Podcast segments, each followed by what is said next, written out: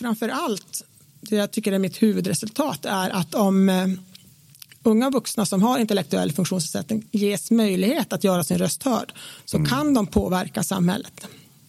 De kan påverka en kommun. Mm. Eh, vilket också leder till att de eh, blir medborgare. Mm. Ja, eh, på riktigt. Ja. På riktigt, mm. ja. Mm. Vilket de eh, faktiskt inte ha, har haft möjlighet kanske alltid att vara.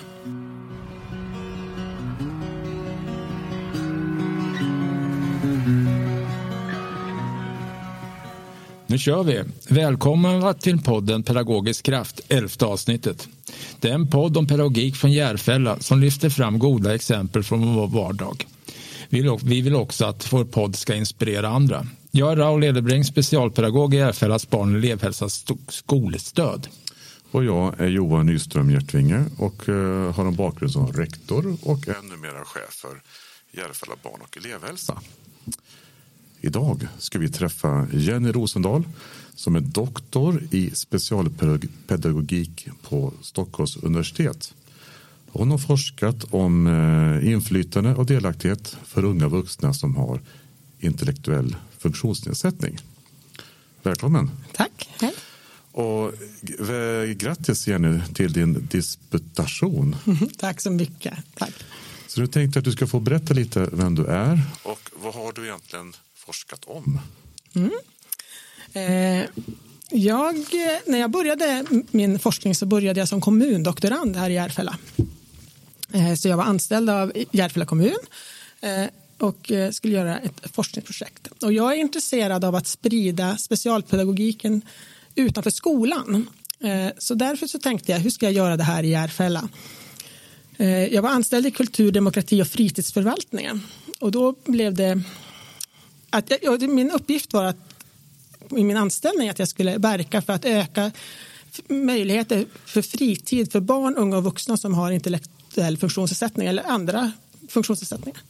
Så då bestämde jag mig för att jag skulle slå samman eh, kommunens behov och forskningens behov. Eh, och jag var intresserad av inflytande och delaktighet. Hur får eh, unga vuxna som har intellektuell funktionsnedsättning inflytande och delaktighet i kommunala verksamheter? så som i fritidsaktiviteter, bibliotek eller demokratiska processer. Eh, jag var också intresserad av att deras egna röster skulle bli hörda. Eh, för att när jag har studerat, gick min masterutbildning, så började jag reta mig på att vi läser om personer med intellektuell mm. funktionsnedsättning, mm. men vi får inte höra vad de själva tycker om det. Mm. Så det var de två sakerna som jag var väldigt intresserad av. Mm. Eh, jag har jobbat både inom skola och inom fritid. Ehm, jag har jobbat med den här målgruppen egentligen hela mitt liv själv. Jag började som eh, elevassistent, outbildad elevassistent, 17 år gammal och skulle hjälpa en pojke med Downs syndrom med läsinlärning. Jag var inte direkt den mest tappade personen kanske för just läsinlärning. Eh, så jag har ju jobbat med den här målgruppen eh, hela mitt liv.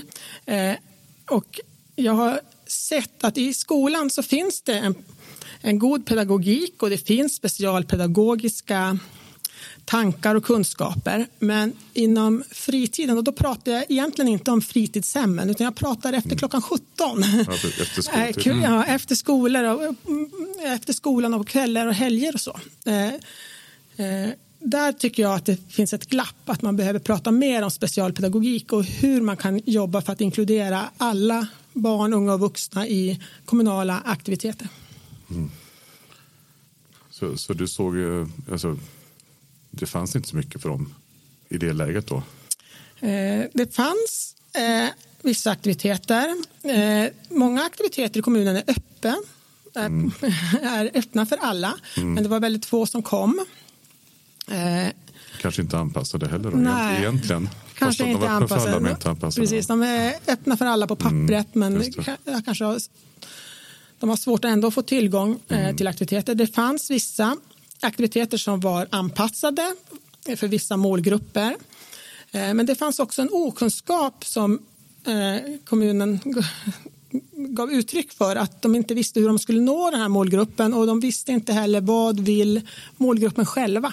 Mm. Ja, just det. Och då satte du igång och forska? Och då satte jag igång ja, och forska, för det här tyckte jag var spännande. Ja, och, och vad, vad gjorde du då? Eh, då bestämde jag mig för att jag skulle göra en deltagarbaserad aktionsforskning i kommunen. Okay. För jag tänker att eh, kommunen måste få ut någonting av det här också, att det inte bara blir en forskningsprodukt. Mm. Kan du bara definiera aktionsforskning? Tack. Mm. Mm. Man tillsätter en aktion, man tillsätter någonting. Och, eh, vad, jag, vad, vi tillsatte eh, i, i Järfälla det var inflytandekaféer. Mm. Eh, och de här inflytandekaféerna hämtade vi från Lunds kommun som har jobbat mycket med dem. Men vi gjorde om dem till en Järfälla-kontext. Så vi hade tre aktioner med inflytandekaféer.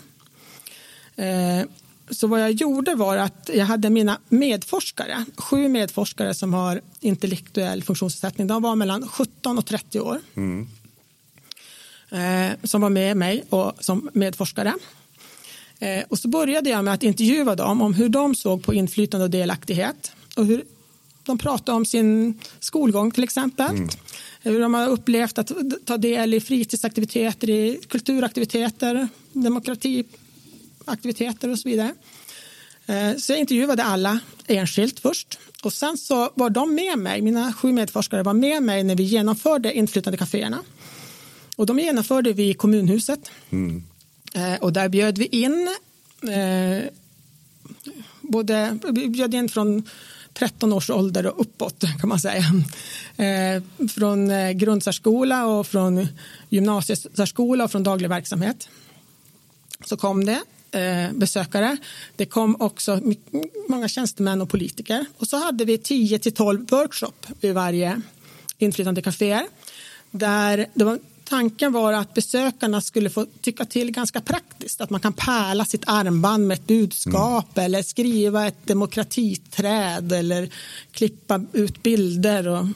var med. Jag hade också väldigt god hjälp. Jag hade en projektgrupp i kommunen bestående av fritidsledare, bibliotekarier, demokratisamordnare eh, som var med, eller demokratiutvecklare kanske de mm. korrekta okay. namn, ja. men som var med i projektgruppen. Eh, som gjorde det rent praktiska. Det är en väldigt stor logistik mm. att eh, få allting på plats. Eh, så att de var med och gjorde det praktiska. Mina medforskare var med och egentligen bedömde hur vi hade gjort, tycka till om vår metod och vår pedagogik. Och de var hårda. Mm. På, på, hur, hur, då? Jo, efter första inflytandekaféet som vi hade så direkt efter så samlade jag mina medforskare i en fokusgrupp. Så satte jag mig tillsammans med dem och pratade om hur de hade upplevt de olika workshopstationerna. Alltså. Eh, och de tyckte att vi hade varit otydliga. De tyckte att vi hade varit dåliga på att förklara. Mm. De tyckte att vi hade ett otydligt syfte. Det tycker jag är underbart som forskare. Mm. att uh, unga vuxna som har intellektuell funktionsnedsättning ger mig på fingrarna mm. för att det är otydligt syfte med aktiviteterna. Uh, och de tyckte att vi skulle använda oss av mer bildstöd och att vi skulle förklara bättre. Mm. Eh, och till, eh, jag ska då säga att jag, som jag sa tidigare har jag jobbat med den här målgruppen hela mitt liv. Jag tycker att jag är ganska tydlig eh, och bra på att förklara. De personer som jobbade på inflytandekaféer var vid första tillfället var det fritidsledare.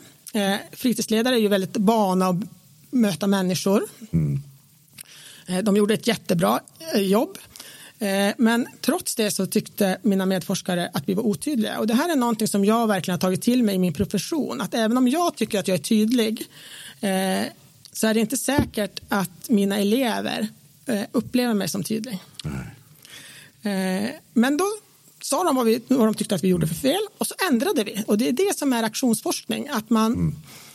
att man tillsätter en aktion och så observerar man vad som sker och så reflekterar man och då reflekterar man både som personal, alltså jag som forskare reflekterar ju, mm. Eh, mm. och så reflekterar man tillsammans med deltagarna.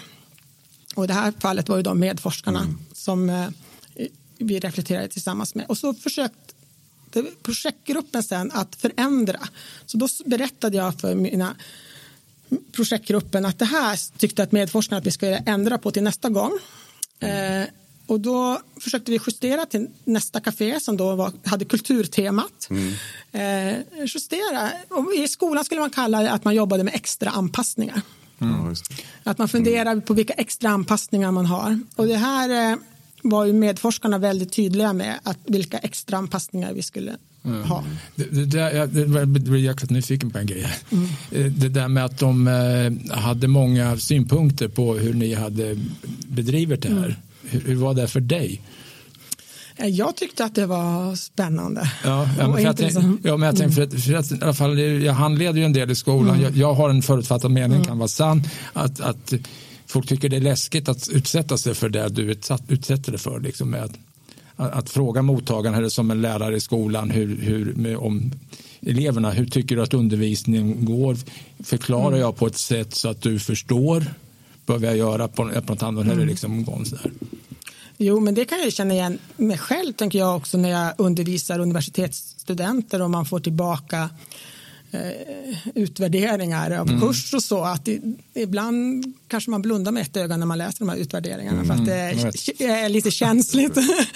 Men jag tänker att det är så oerhört värdefullt och, ja. och, så viktigt och det är också någonting man tränar på och blir mindre och mindre mm. farligt eh, eh dessutom så blir det ju bättre och bättre verksamhet och mm. lättare mm. jobbat för en själv. Om ja, och du får ju feedback om du, är på, om du är på banan, om du skjuter för högt eller för lågt eller lagom. Va? Mm. Det liksom...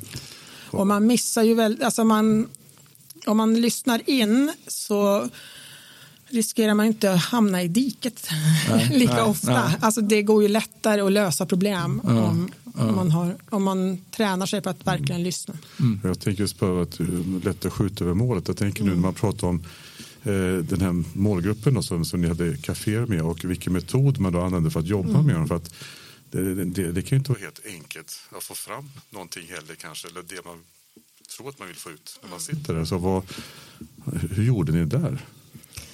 Eh, ja, för det första när man ska intervjua eller samtala eh, så använder jag mig av en metod som heter samtalsmatta. Mm. Och den har jag använt, använde jag även när jag gjorde min master. Eh, för att jag hade med mig då, efter att jag gjort min master och jag skulle intervjua personer med intellektuell funktionsnedsättning så insåg jag att det inte är så lätt. Jag hade gått en massa intervjukurser om hur man ställer frågor med mm. öppna frågor och så vidare. Eh, sen eh, ringde jag runt och frågade om jag fick komma ut på olika verksamheter och då fick jag till svar att visst får du komma men du kommer inte få några svar. Eh, och det där triggade mig. Ja.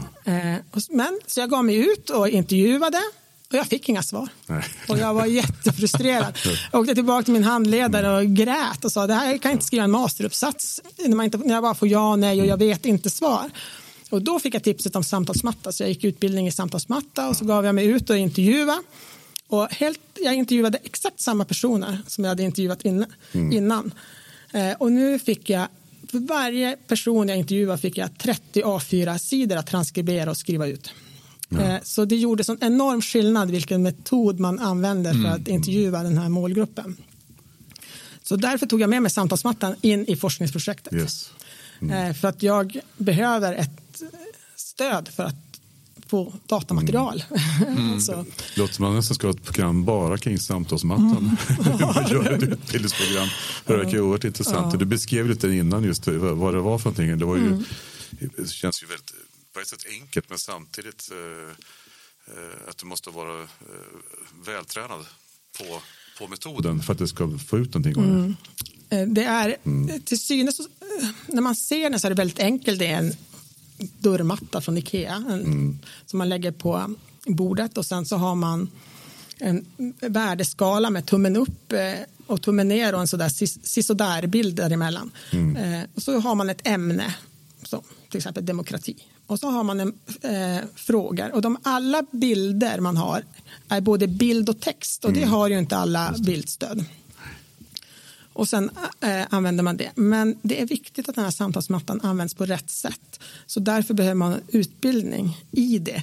För risken är annars att, det, att den används fel och att de som eh, ja, de, de man frågar med hjälp av samtalsmatta känner sig styrda eller manipulerade. Mm. Med hjälp. Så därför är det väldigt viktigt att, eh, att personal faktiskt får en utbildning i hur man använder metoden. Mm. Ja, det bör man, sen bör man ju ha en nyfikenhet att vilja utforska mm. motpartens perspektiv. Så ja, men, men, jag tänkte de här medarbetarforskarna, liksom, jag läste, när jag tittade lite på din avhandling där så var det de kände sig ganska ibland, de var inte med i demokratin och det var någon som spelade fotboll. Det, var, mm. det skulle vara kul att höra några exempel hur de ser, ser mm. alltså deras perspektiv. Mm.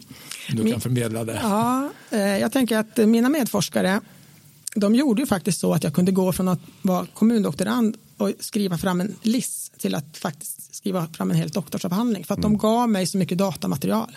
Det är tack vare mina medforskare faktiskt. Eh, ja, det är faktiskt häftigt. Eh, de beskrev, eh, de pratade väldigt mycket och beskrev väldigt mycket. De beskrev att eh, de till exempel inte har fått vara delaktiga i skolan. Eh, att de inte har fått vara med i elevråd för att de inte skulle klara av det. Eh, och det mm. tänker jag att ett par år senare så sitter de här och är medforskare och mm. bidrar till en doktorsavhandling. Ja, och då tänker jag att då kanske man ska fundera över på vilken pedagogik man använder på elevråden. Mm. Och jag tänker att det handlar inte bara om den här målgruppen. Det kan ju även handla om nyanlända eller som har, behöver olika former av stöd för att kunna eh, vara inkluderade och delaktiga. Mm. Eh, men de beskrev väldigt mycket, de pratar väldigt mycket om vi och dem. Att ja. vi som har funktionsnedsättning borde också få arbeta. Vi som har funktionsnedsättning borde också få vara med. Eh, så de pratar väldigt mycket om vi och dem. Och det som var intressant var att när jag intervjuade projektgruppen sen så kommer samma sak fram i projektgruppens svar, ett vi och dem. Eh, att nu, ser vi, nu har vi förstått att vi även kan fråga dem. Eh, att de är också individer som alla andra människor. Att, de hade, att projektgruppen hade lärt sig det också. Ja, ja. ja att, så att det finns ett vi och dem tänk i samhället som är ganska skrämmande. Mm. Ja. Eh, och min teori om det är att vi lever så segregerat idag. Vi möts ja. inte i klassrummet och vi möts inte på arbetsplatser. Och vi, vi möts väldigt mm sällan eh, personer som har intellektuell funktionsnedsättning och personer som inte har det. Jo, för, för, att jag kan ju tänka, det blir lite halvterapeutiskt när jag pratar med dig, alltså utifrån mitt perspektiv, min uppväxt i Östergötland på 60-talet, mm. jag träffade ju inga med Downs syndrom eller som hade någon funktionsnedsättning. Så, så det, det är ju det, det, det, är också lite läskigt för, ur mitt perspektiv. Mm. Och på något sätt så tror jag att jag behöver se det för att kunna göra mötet och inte förneka det. Va? Mm. Och, och, och då, då tycker jag det låter rätt skönt att du gör den här forskningen också så att det, det kan bli på ett i alla fall skapa förutsättningar att det kan bli på ett annorlunda, ett annat mm. sätt, ett bättre sätt. Liksom. Och det var, ja, förlåt nu avbröt ja, men nej, nej, jag det, det, det, som är huvudpersonen. Ja. Men det var väldigt tydligt i den här uh, forskningsstudien faktiskt också det här med rädsla. Att ja. i första inflytandekaféet som vi skulle ha så fick mina chefer verkligen uh, jobba för att få personal. Att vi, vi behövde ju 10 till 12 personer som jobbade, som tog ansvar för varsin workshopstation. Uh, mm. och så. Och de, eller de hade det svårt att få personal för att personalen var rädd för att möta den här målgruppen. De hade inte mött den. Och då tänker jag att personalen eh, är ju van att jobba med människor. Mm. De jobbar med människor hela dagarna men de är ändå rädda att möta den här målgruppen. Sen löste det sig. Tre till, redan vid andra tillfället var det inga problem. För då, då, och i sista tillfället hade chefen svårt motsatt problem att säga att nej, alla kan inte jobba, alla kan inte jobba. Eh, så att det är något fantastiskt som sker i mötet. Mm, det, är fantastiskt. det är lite som eh, den här glada Hudik. Det här, mm. och Pers har berättat eh, Nej, du får inte spela teater med, det här för det, de, de klarar inte av det. Men mm. man gav sig ju inte så vi fick han göra det så visade det sig att de faktiskt kunde det. Ja, ja visst. så, och, så att jag tänker det är det du beskriver också. Mm. Att äh, rädslan men sen via mötet så ser man Ja. Att, att, det, att det fungerar. Mm. Men, men, du Jenny, vad, vad, ska, vad ska, ska vi rekommendera de som jobbar med grundsärelever i, i skolan? Vad ska vi säga till dem så att de blir mer nyfikna? Eller de kanske är nyfikna för sig. Jag tror att många är väldigt nyfikna och gör ett fantastiskt jobb. Ja. Men jag vill snarare eh, skicka med till rektorerna. Mm, ja. att de funderar på i vilken grad de bedriver undervisning och i vilken grad de bedriver omsorgsverksamhet. Mm.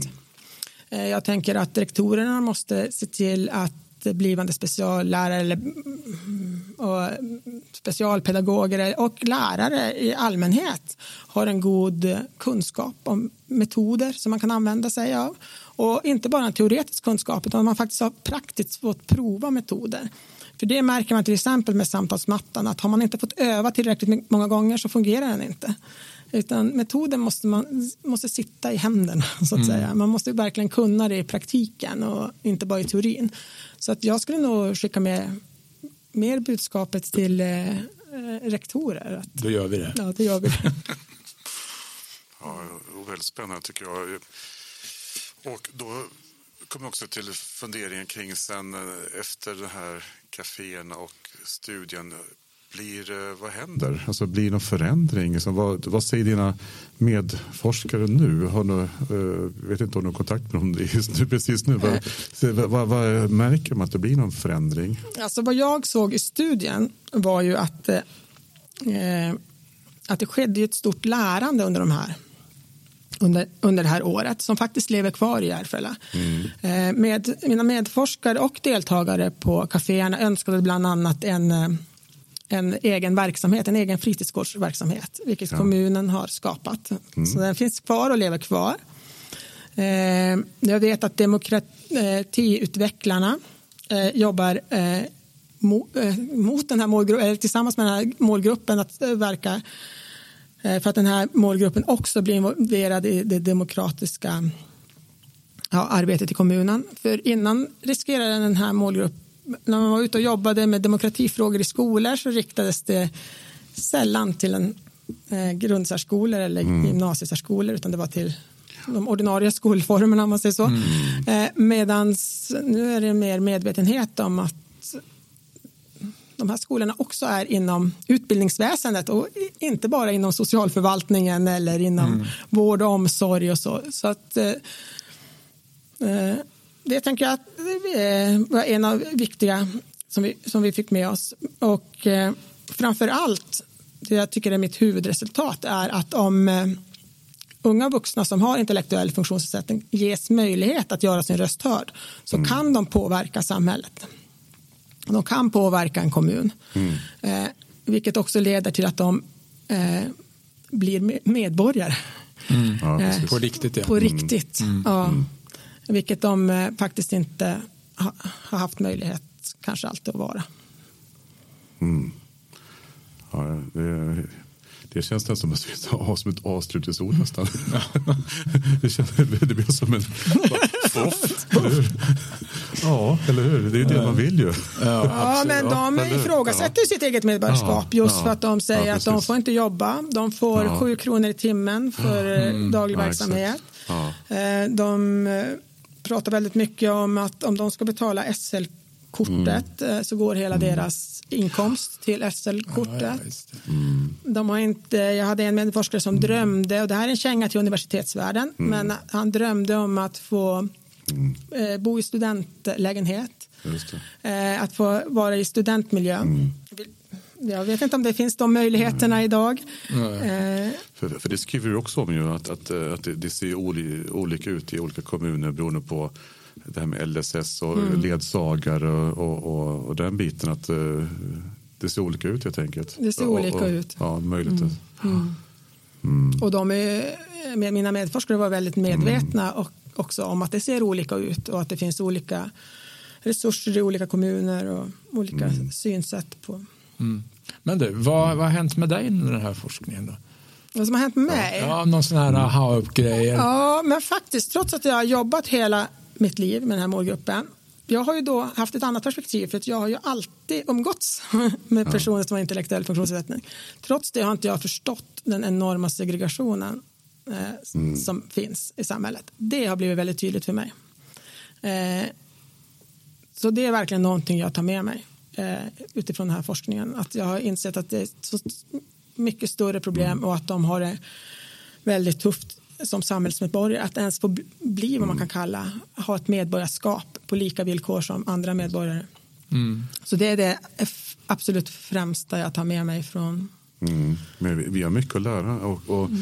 det är lite grann som vi har pratat om eh, i tidigare avsnitt också, just att man ska hamna i en norm, att man ska bli så normaliserad mm. någonstans. Och, mm. och att, det, att, det, och passar man inte in i mallen så, så blir det knepigt. Mm. mm.